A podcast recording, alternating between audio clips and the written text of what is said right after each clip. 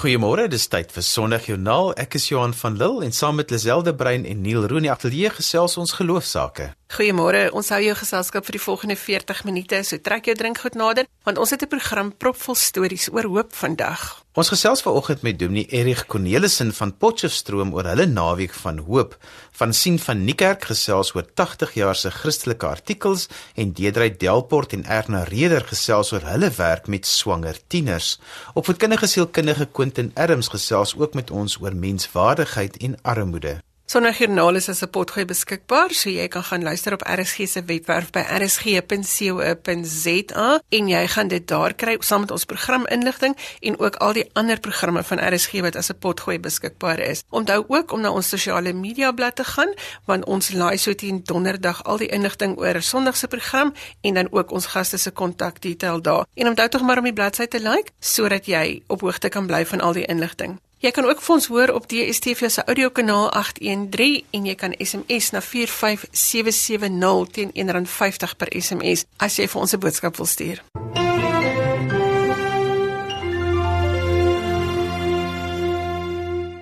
Dominee Erich Cornelissen is van die NG Kerk Harmonie in Virginia en ons gesels vanoggend oor hulle naweek van hoop projek. Goeiemôre Dominee Cornelissen. Goeiemôre. Professor Fanny Lou van Bloemfontein het my vertel van julle fenominale naweek van hoop projek. So waar het hierdie idee ontstaan? Kyk, ek dink uh 'n mens kan begin deur eerstens net 'n bietjie te fokus op die konteks waar ons geleë is. Virginia bevind homself in die middel van die goudveld.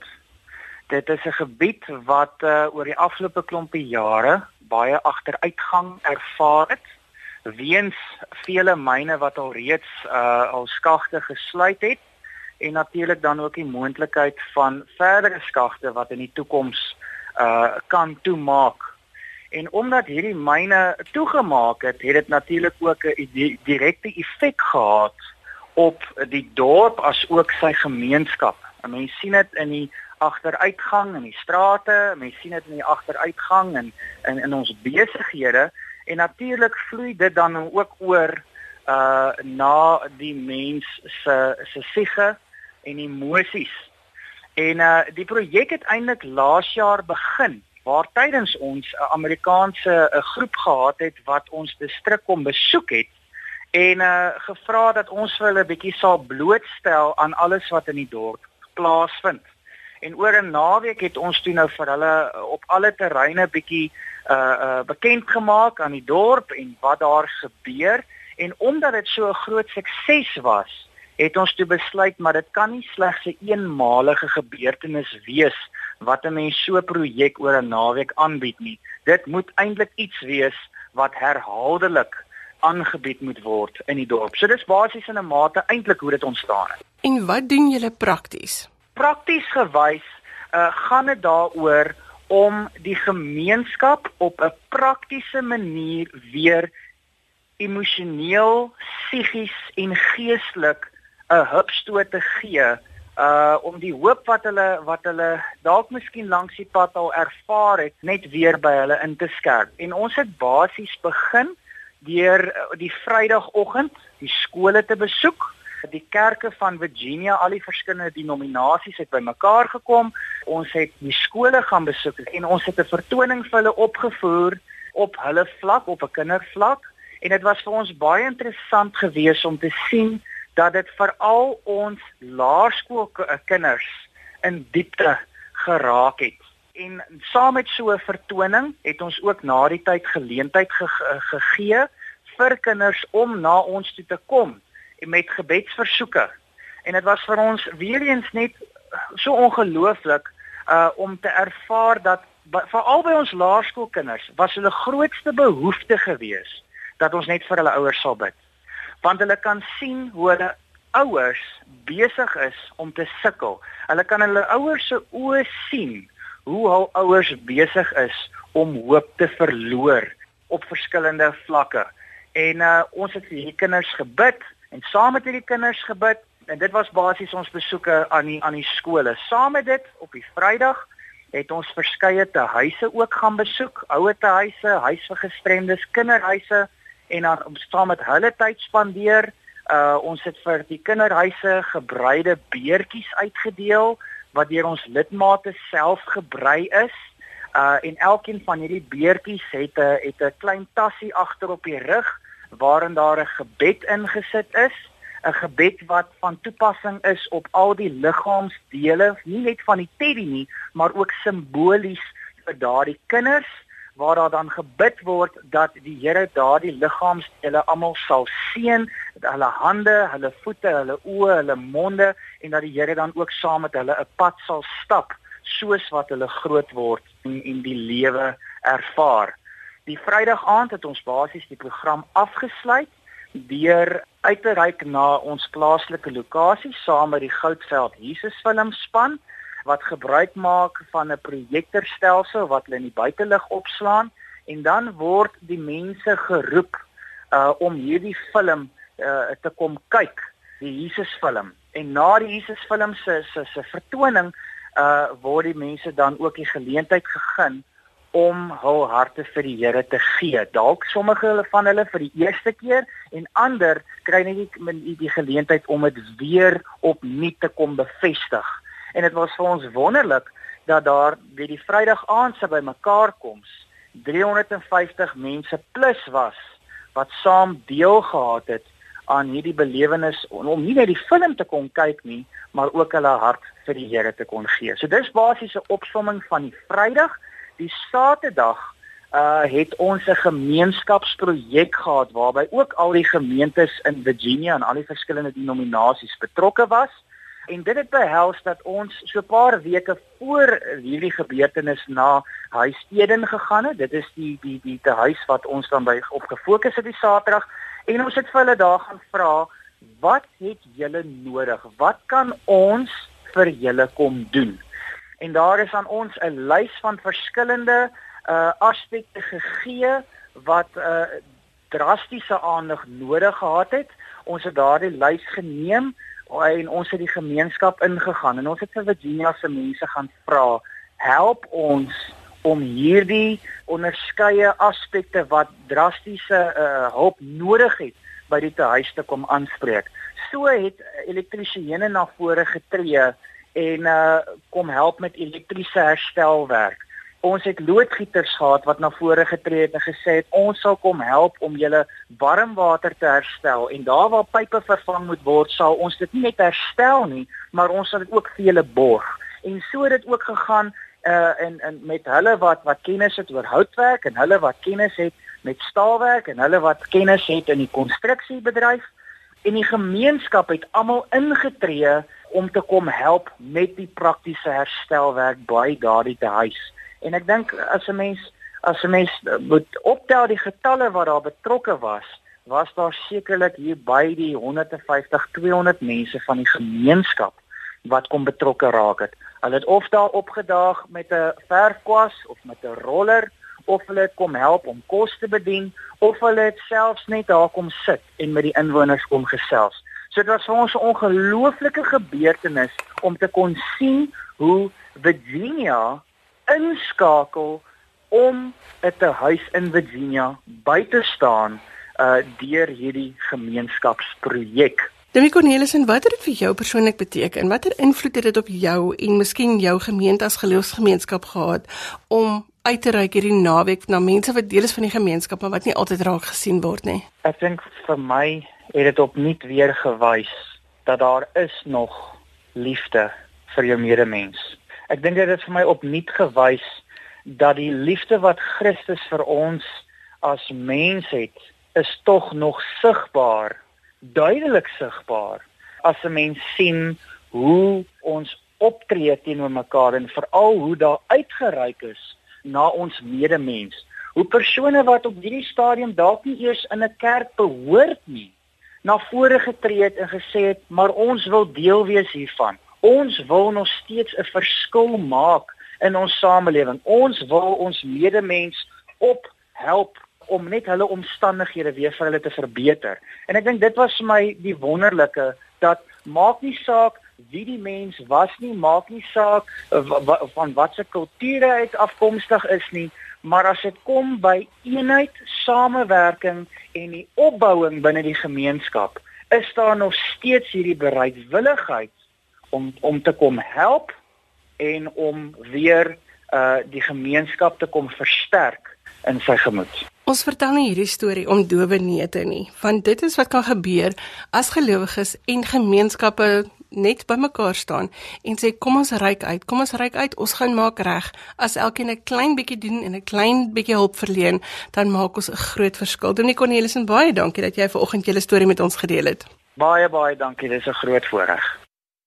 Ek dink elke gemeente kan hierdie gemeente in die Vrystaat se voorbeeld volg om meer hoop te gee. Ons het gesels met Dominee Erich Cornelissen van Virginia. As jy sopas ingeskakel het, sê ons goeiemôre. Die program is Sonnig Joernaal saam met Johan de Zel en Neil. Gaan maak gerus 'n draai op RSG se webblad by rsg.co.za of op ons Facebook bladsy as jy meer van ons wil weet en ons programinligting nodig het. Jy kan ook ons SMS by 45770 teen R1.50 per SMS. Swanger tieners op skool is besig om net al hoe meer toe te neem en ons hoor volgende van twee vroue wat met hierdie tieners werk.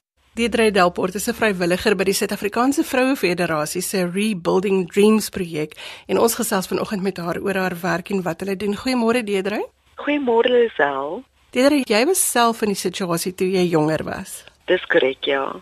Ek kom uit 'n baie konservatiewe agtergrond en dit was regtig vir my baie erg geweest.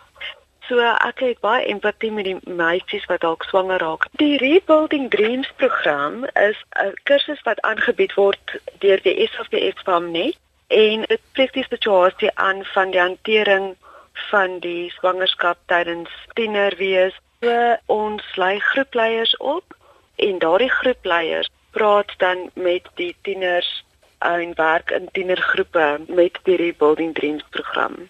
Wat is hierdie tieners se behoefte, Deidre? Eerstens vergifnis en in die tweede plek ondersteuning en liefde. Ja. Het jou omstandighede dit vir jou makliker gemaak om betrokke te raak by iets soos die swanger tienermamas? Aan die een kant ja en aan die ander kant nee.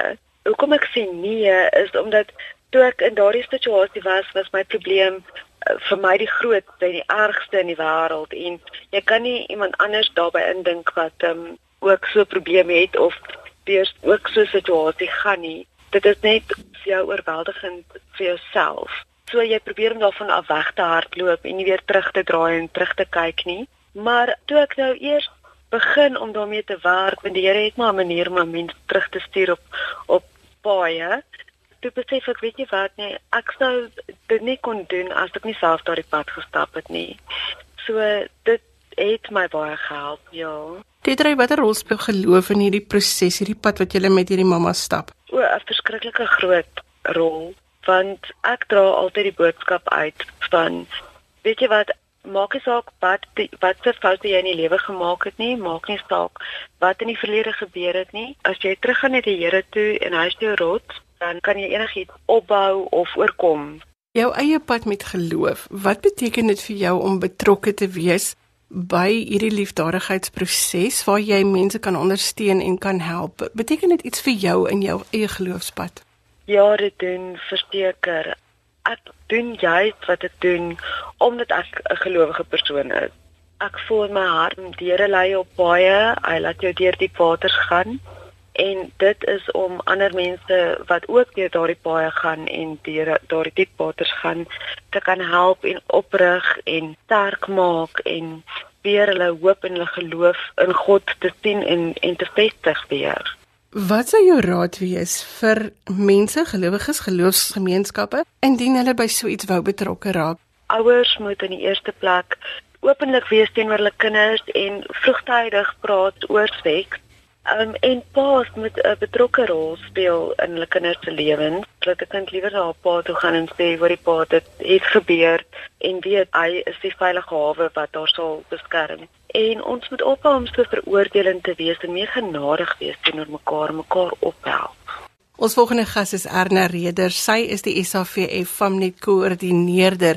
Goeiemôre Erna. Môre Lisel. Arno, ons het nou net gehoor van Deedrey Delport wat 'n vrywilliger is by die Rebuilding Your Dreams projek. Jy is die koördineerder. Hoe het jy hierdie projek ervaar as jy nou moet terugkyk daaroor? Weet jy, dit was ongelooflike harde werk. Ehm um, ons het 'n 90 ehm um, groepleiers in ses verskillende areas in Gauteng opgelei en ek het hulle opgevolg in mentorskap sessies en hulle het dan weer groepwerk gedoen met in totaal seker maklik 900 jong swanger tieners of tieners wat wat alreeds kinders het, beide mammas en pappas. Dit was harde werk, maar dit was so bevredigend. Ek is ek is so bitter dankbaar vir vir wat gebeur het want ons resultate was ongelooflik goed geweest. Miskien moet ek dit net sê. Ek ek dink een van die groot dinge wat vir my uitstaan is wanneer ons werk met 'n swanger tiener en jy kom vanuit 'n geloofsagtergrond, dan is die een groot ding dat die Here ons leer om nie te veroordeel nie en liefde hê. En ons het gesien hoe dat met 'n nie veroordelende liefdevolle uh, ingesteldheid van ons groepleiers ehm um, het daar eenvoudig die Here oopgegaan. Ons tieners het verstaan wat is dit om weer met hulle ouers te gaan kontak maak en hierdie hele ding in die toekomsbeplanning met hulle ouers te bespreek. Ehm um, hulle het weer moed gekry om terug te gaan skool toe want baie van hulle is nou uit die skool uit en en hulle is nie klaar met matriek nie.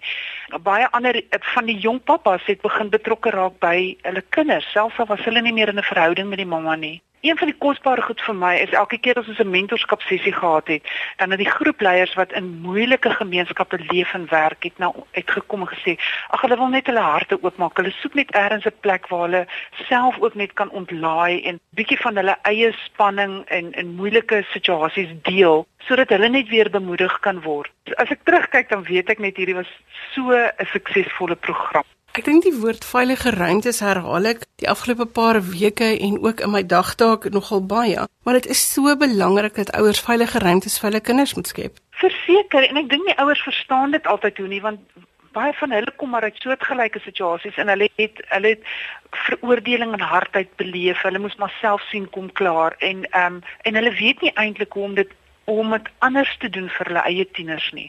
En ja, daai veilige ruimte is net so ongelooflik belangrik ek dink ook selfs die voorbereiding ons ons ons praat dikwels daaroor dat seksuele geslagsvoorbereiding is vir vir ons tieners 'n vreemde ding. Hulle kry dit nie by hulle ouers nie. En dis juist die veilige ruimte waar hulle dit kan kry en waar dit soveel meer betekenis het en 'n bietjie die voller prentjie van 'n 'n kosbare verhouding staan, ehm um, eerder as 'n krake verhoudings wat ons tieners baie keer beleef. Arna, jy het 'n baie belangrike ding aangeraak om te sê jy werk ook met die tienerseuns, want ons is so geneig om die dogter raak te sien wat swanger is, dat jy vergeet dat daar 'n pa in hierdie verhouding is. Ja. Ek dink jy sal onthou dat ons baie betrokke is by pa betrokkenheid by aksies daar rondom en daarom is dit vir ons belangrik dat ons hierdie program begin aanbied dat die pa's die jong pa betrokke raak. Want as die pa betrokke is van die dag wat sy kind gebore is, dan is hy is die kanse dat hy betrokke bly is net soveel groter. Waar 'n jong pa betrokke is, verhoed 'n mens net soveel probleme in die kind se lewe vir die toekoms. Dit seker omtrent, ek dink so 10% van ons tieners was ehm um, was jong pa's maar hulle het geweldig baie baat gevind uit hierdie program. Ons het hierdie kursus, hierdie een spesifieke kursus Reading Dreams genoem omdat uh dit 'n droom is wat gebreek is wanneer jy wat wanneer jy tieners as tiener swanger raak. Maar dit beteken nie dat jou hele lewe daarmee heen is nie. So ons wou deur die program vir tieners net daarop laat fokus van daar lê lewe vir hulle voor en ons begelei hulle om net weer opnuut te kan droom um, en opnuut, jy weet, te kan beplan vir hulle eie toekoms. Erna baie dankie dat jy vanoggend vir ons 'n stuk van julle lewe wêreld gedeel het en met ons gedeel het hoe belangrik dit is dat ons na ons kinders moet kyk en hulle geherintegreer moet word in die lewe. Dankie vir die geleentheid. Die stem daarvan Erna Reder van SAVF FAMSA en sy het saam met vrywilliger Deedrey Delport gesels oor hulle projek met swanger tieners. Ons hoor gedurig van tydskrifte wat toemaak, so vir 'n Christelike tydskrif om sy 80ste verjaardag te vier, dit wil gedoen wees. Fransien van die kerk is die redakteur van die Ligtydskrif en hulle vier hierdie jaar hulle 80ste verjaarsdag. Goeiemôre Fransien. Môre Lisel. 80 jaar is 'n leeftyd. Die tydskrif lyk nou aansienlik anders as waar hy begin het. Neem ons deur die geskiedenis van die bladsye. Lisel, uh, ja, dit is 80 jaar. Um, in 1937 het ehm um, ene Dominee Attie Burger by die Transvaalse Sinode van die NG Kerk gevra dat 'n uh, maandblad in die lewe geroep gaan word of sal word. En ehm um, die maandblad ehm um, moes uh, berig oor die werk en die lewe van die kerk. en uh, dit moes veral uh, op huisgesinne gemik gewees het en lidmate van die NG Kerk en dit moes die amptelike kerkblad uh, die kerkbode aanvul en hulle het ge, gevra dat dit 'n goed geïllustreerde en 'n populêre maandblad sal wees. En as 'n mens nou in die argiewe kyk, dan besef 'n mens hoe tegnologie verander het, want dit was 'n uh, op koerantpapier gedruk in swart en wit en vreeslik baie teks, maar dit het sy doel gedien. Die voorligter is toe in 1937 Desember uh, vir die eerste keer gedruk en die Hakens wat gaan huis besoek doen het die voorligter saamgeneem en dit was 'n lekker aanknopingspunt wanneer hulle aan huise gekom het. Dit was 'n blad wat op gesinne gefokus het en hier in die um, laat 80s het hulle besluit um, om so 'n bietjie minder op kerklike sake te fokus en 'n uh, uh, minder op die Transvaalse uh, die destydse Transvaalse sake te fokus en dit 'n uh, meer algemene Christelike um, aanslag gegee.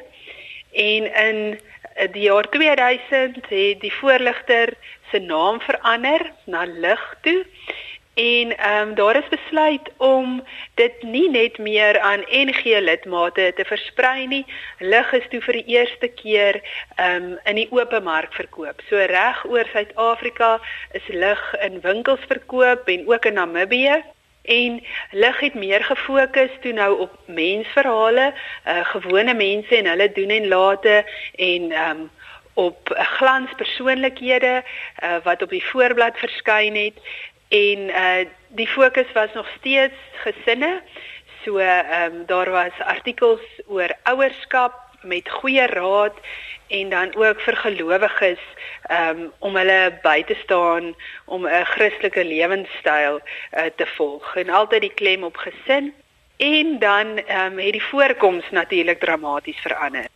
So julle het natuurlik dan nou behoeftebepalings gedoen soos wat die tydskrif nou deur die jare aangekom het. Wat was die behoefte en die fokus van die lesers? Ek dink uh, dit is altyd belangrik om te weet wat lesers se behoefte is. Tans uh, weet ons dat ons in 'n komplekse wêreld leef wat hoë eise aan ons stel en ehm um, lig probeer om uh, vir gelowiges en vir ouers toe te rus om goeie en gesonde verhoudings uh, te kweek en om insig en wysheid te hê in hoe om hulle geloof uh, uit te leef en hoe om hulle geloof te groei. En dit is ons aanslag op die oomblik want ons weet dit is uh, moderne mense se behoeftes. Maar 'n paar jaar terug uh, het mense min of meer daardie behoeftes gehad. Um, ouerskap is maar altyd 'n kwessie. Uh, gelowiges wil altyd uh, groei in hulle geloof en insig hê in um, hoe om hulle geloof uit te leef. So ek glo die kern van wat die voorligter aanvanklik was, is so 'n goue draad wat uh, tot nou toe deurgaan en en dit is gelowiges en gesinne wat um, raad en inspirasie kry uitlig om uiteindelik hulle geloof uit te leef. Is dit dan nou ook hoe julle julle artikels kies en saamstel? Ja, so ons as redaksie sit elke maand saam um, en kyk na uh, wat uh, ons werk volgens temas wat uh, nou aansluit by die kerkkalender. Uh, so dit rig uh, ons inhoud, maar dan probeer ons 'n lekker pakkie uh, inhoud saamstel met goeie balans. So ons sal praat met ouer mense en met jonger mense en ons sal artikels kies wat dalk op ouma en oupa gerig is en op ehm um, jong uh, getroudes met klein kindertjies. Ehm um, en dan probeer ons stories skryf wat inspirasie gee, maar ook uh, wat ontspanning bied, want 'n mens uh, lees tog 'n tydskrif om te ontspan ook. Uiteindelik hoop ons dat die inhoud wat ons kies relevant sal wees vir uh, die leser, maar ook um, sal inspireer en verryk, uh, sodat mense as hulle lig lees dat uh, nie net hulle harte sal verander nie, maar dat hulle voel hulle is bemagtig om die mense rondom hulle te bedien met met liefde en met die nuwe kennis wat hulle gekry het. Jy sien nou die tydskrif is nog van altyd af gerig op gesinne, maar ek dink die realiteit van die kerk en ons het nou die dag 'n lang gesprek hieroor gehad, is dat daar baie enkellopende ouer mense is wat ook 'n behoefte het aan om iets te kan lees en so aan. So miskien sal dit 'n goeie ding wees as jy dan nou 'n nuwe tydskrif begin wat ook op enkellopendes gerig is. Weet jy ons ehm um, besef dat gesinne nie meer dieselfde lyk as 10, 20 jaar terug nie. En wanneer ek sê dat lig gefokus is op gesinne, dan is ons verstaan ook die enkel ma, ehm um, selfs enkellopendes wat binne 'n gemeenskap ehm um, hulle verhoudings uitleef. So uh lig se fokus is gesinne ja, maar ehm um, as jy 'n gelowige is of as jy net 'n bietjie die mooi in die lewe wil vier, die inspirasie nodig het, dan sou ek sê is daar altyd artikels wat ehm um, vir sulke mense ook ehm um, van waarde sal wees. Wonderlik. So ons hoef nie 'n hele nuwe tydskrif te begin nie.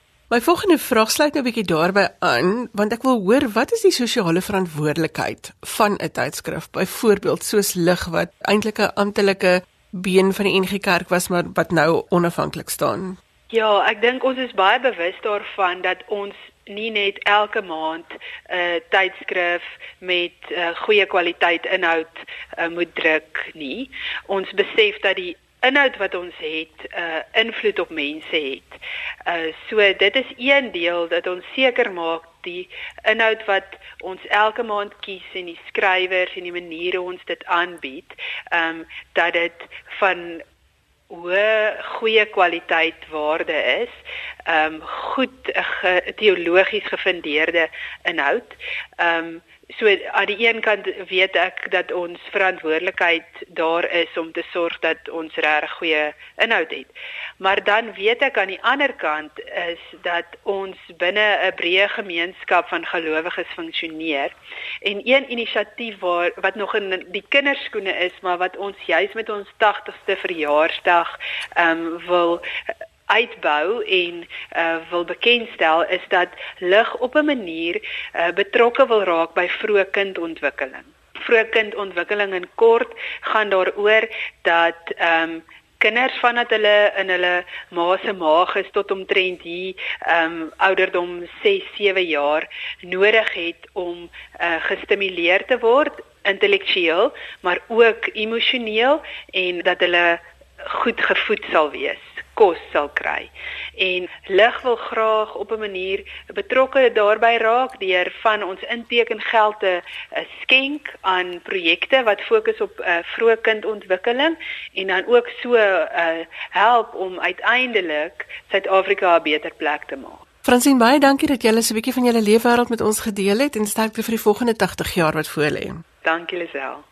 Die stem daarvan Fransien van Niekerk. Ons hoop dat daar sommer nog baie stories is om te vertel, nie net oor die kerk nie, maar ook stories om mense te inspireer en te bemoedig.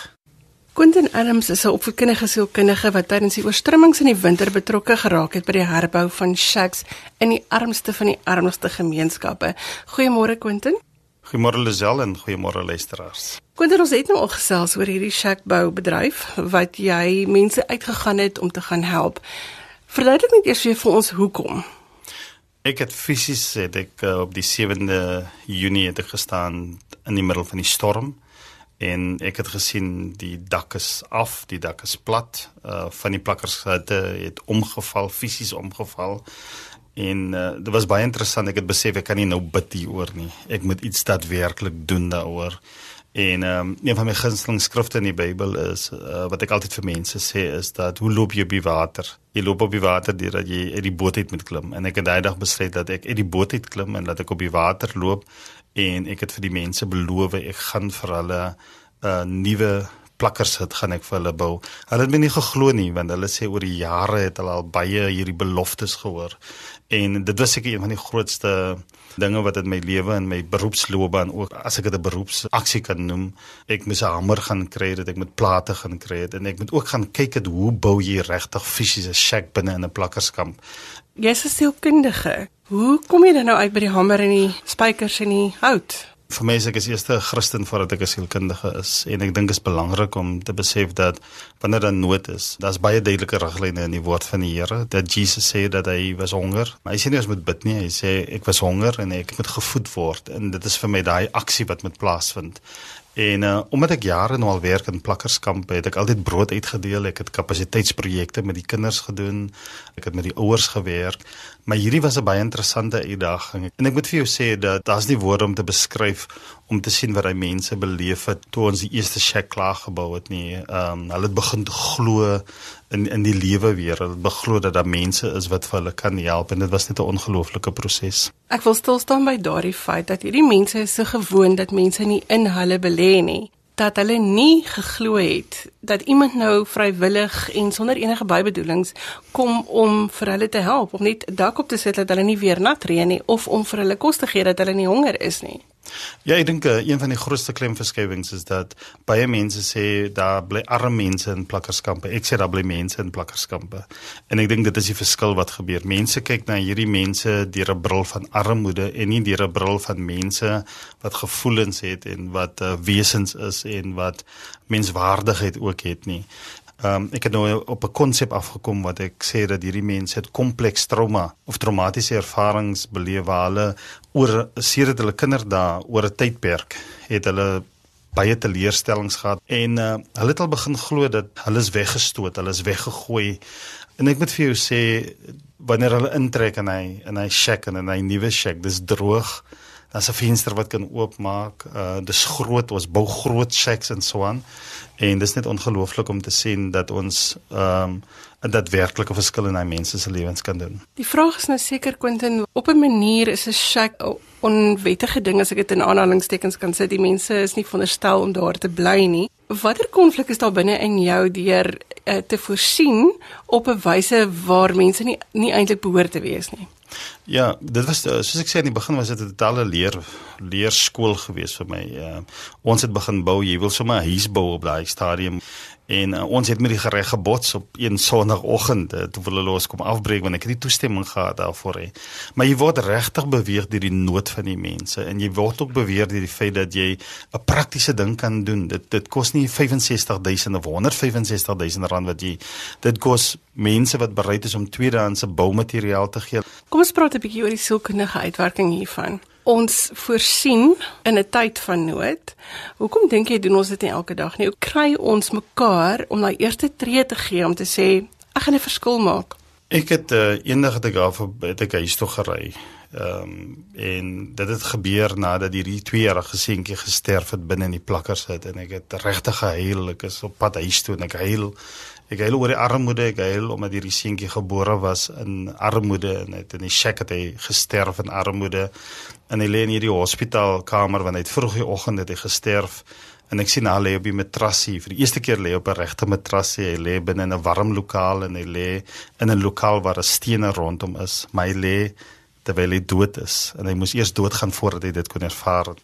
En ek ry daar weg en ek huil en ek huil oor baie dinge en uh, toe ek by die huis kom te sê ek ek ek verstaan vandag dat dat Jesus se se leerstellings was baie revolusionêr geweest. Want want sy sy sy sy leerstellings en sy voorbeelde ehm uh, is nie wat die normale mense wil doen nie. Is is regtig die barmhartige Samaritaan. Ehm um, jy moet jy moet jy moet jy moet van jou donkie afklim en jy moet stil staan en jy moet jou toerusting met jy by jou het en jy moet geld hê by jou het. En dan moet jy ook 'n opvolgstelsel met jy het. Ehm um, en jy moet dienste hê, jy moet hom na 'n hospitaal toe neem. En dis totale revolusionêre benadering as ons daarna kyk want mense is baie uh persoonsgesentreerd en mense is oor die algemeen baie individualisties. Jy word alleen gebore, jy sterf alleen en nou kom Jesus en hy sê vir ons ons moet omgee vir ander mense. So omgee vir ander mense is nie net 'n doodnormale ding nie. Dis 'n ding waaroor jy moet bepeins, jy moet daaroor bid, jy moet deel maak daarvan. Jy moet seker seker maak dat jy goeie teachings kry in die kerk daaroor. En natuurlik baie belangrik is dat daar gereeld moet dit gedemonstreer word. As dit nie gedemonstreer word nie. Ek kan onthou toe ek in sonnaarskool was, my pa was die sonnaarskoolonderwyser. Ons het amper elke Sondag net die barmhartige Samaritaan gedoen. En wat wat ons ons was ons wou net die rowers wees want dit is altyd jou beste vriend wat nou jy weet die die man is die, wat nou moet aangerand word. Maar maar maar dit is waar dit gelê is. Ons is op 'n baie vroeë stadium blootgestel aan die aan die aan die barmhartige Samaritaan en ek dink dit is wat ons moet terugbring in ons uh, geloofslewe. Ons het nou een geleentheid om miskien in 'n sin of twee vir mense te vra kry jou voete in beweging. Wat gaan ons vir hulle sê? Ek dink ons moet begin bewus raak van die pyn van ander mense. Ek dink dat daar's mense wat in groter nood ehm um, lewe. Ehm um, baie van die mense wat in die plakkerskampe lewe en die plakkers het 'n sukkel met rotte wat hulle kinders kom byt in die in die, in die middel van die nag. Hulle het nie kos nie, hulle het nie water nie.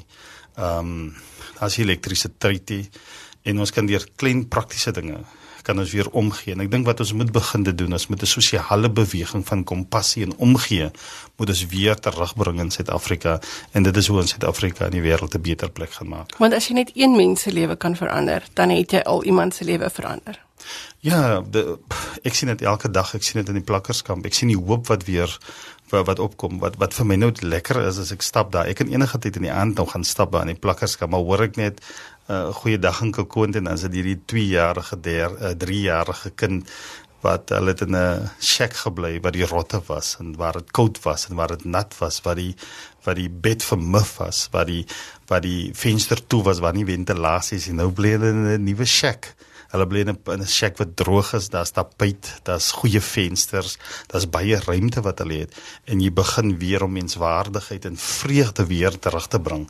En ek dink dis absoluut 'n goddelike werk wat ons tans mee besig is. Quentin, baie dankie dat jy vir ons 'n kykie gegee het in jou lewe, jou geloofspad en dat jy vir ons help motiveer dat ons net daai eerste tree sal gee om uit te reik na mense in nood. Baie baie dankie en ons het nou begin om nog meer shacks te bou en ons is baie opgewonde daaroor. Baie dankie. En so gesels opvoedkundige sielkundige Quentin Adams oor sy reis saam met die mense van Freedom Farm. En met daardie inspirerende storie is ons aan die einde van vanoggend se program. Van my Johan van Lille, tot later vandag, totsiens. Jy kan vir my e-pos met kommentaar of as jy 'n geloostorie met ons wil deel. My e-posadres is lazel@wwmedia.co.za of jy kan vir ons 'n boodskap stuur deur die webwerf by RSG. Dit is rsg.co.za. Ons is aan die einde van vanoggend se program, so ons gaan groet tot volgende week ook namens produksieregisseur Neil Roo. Onthou, maak 'n verskil in iemand se lewe, ryk uit. Kry vandag iets nuuts om jou gedagtes mee besig te hou en ons praat weer volgende week. Totsiens.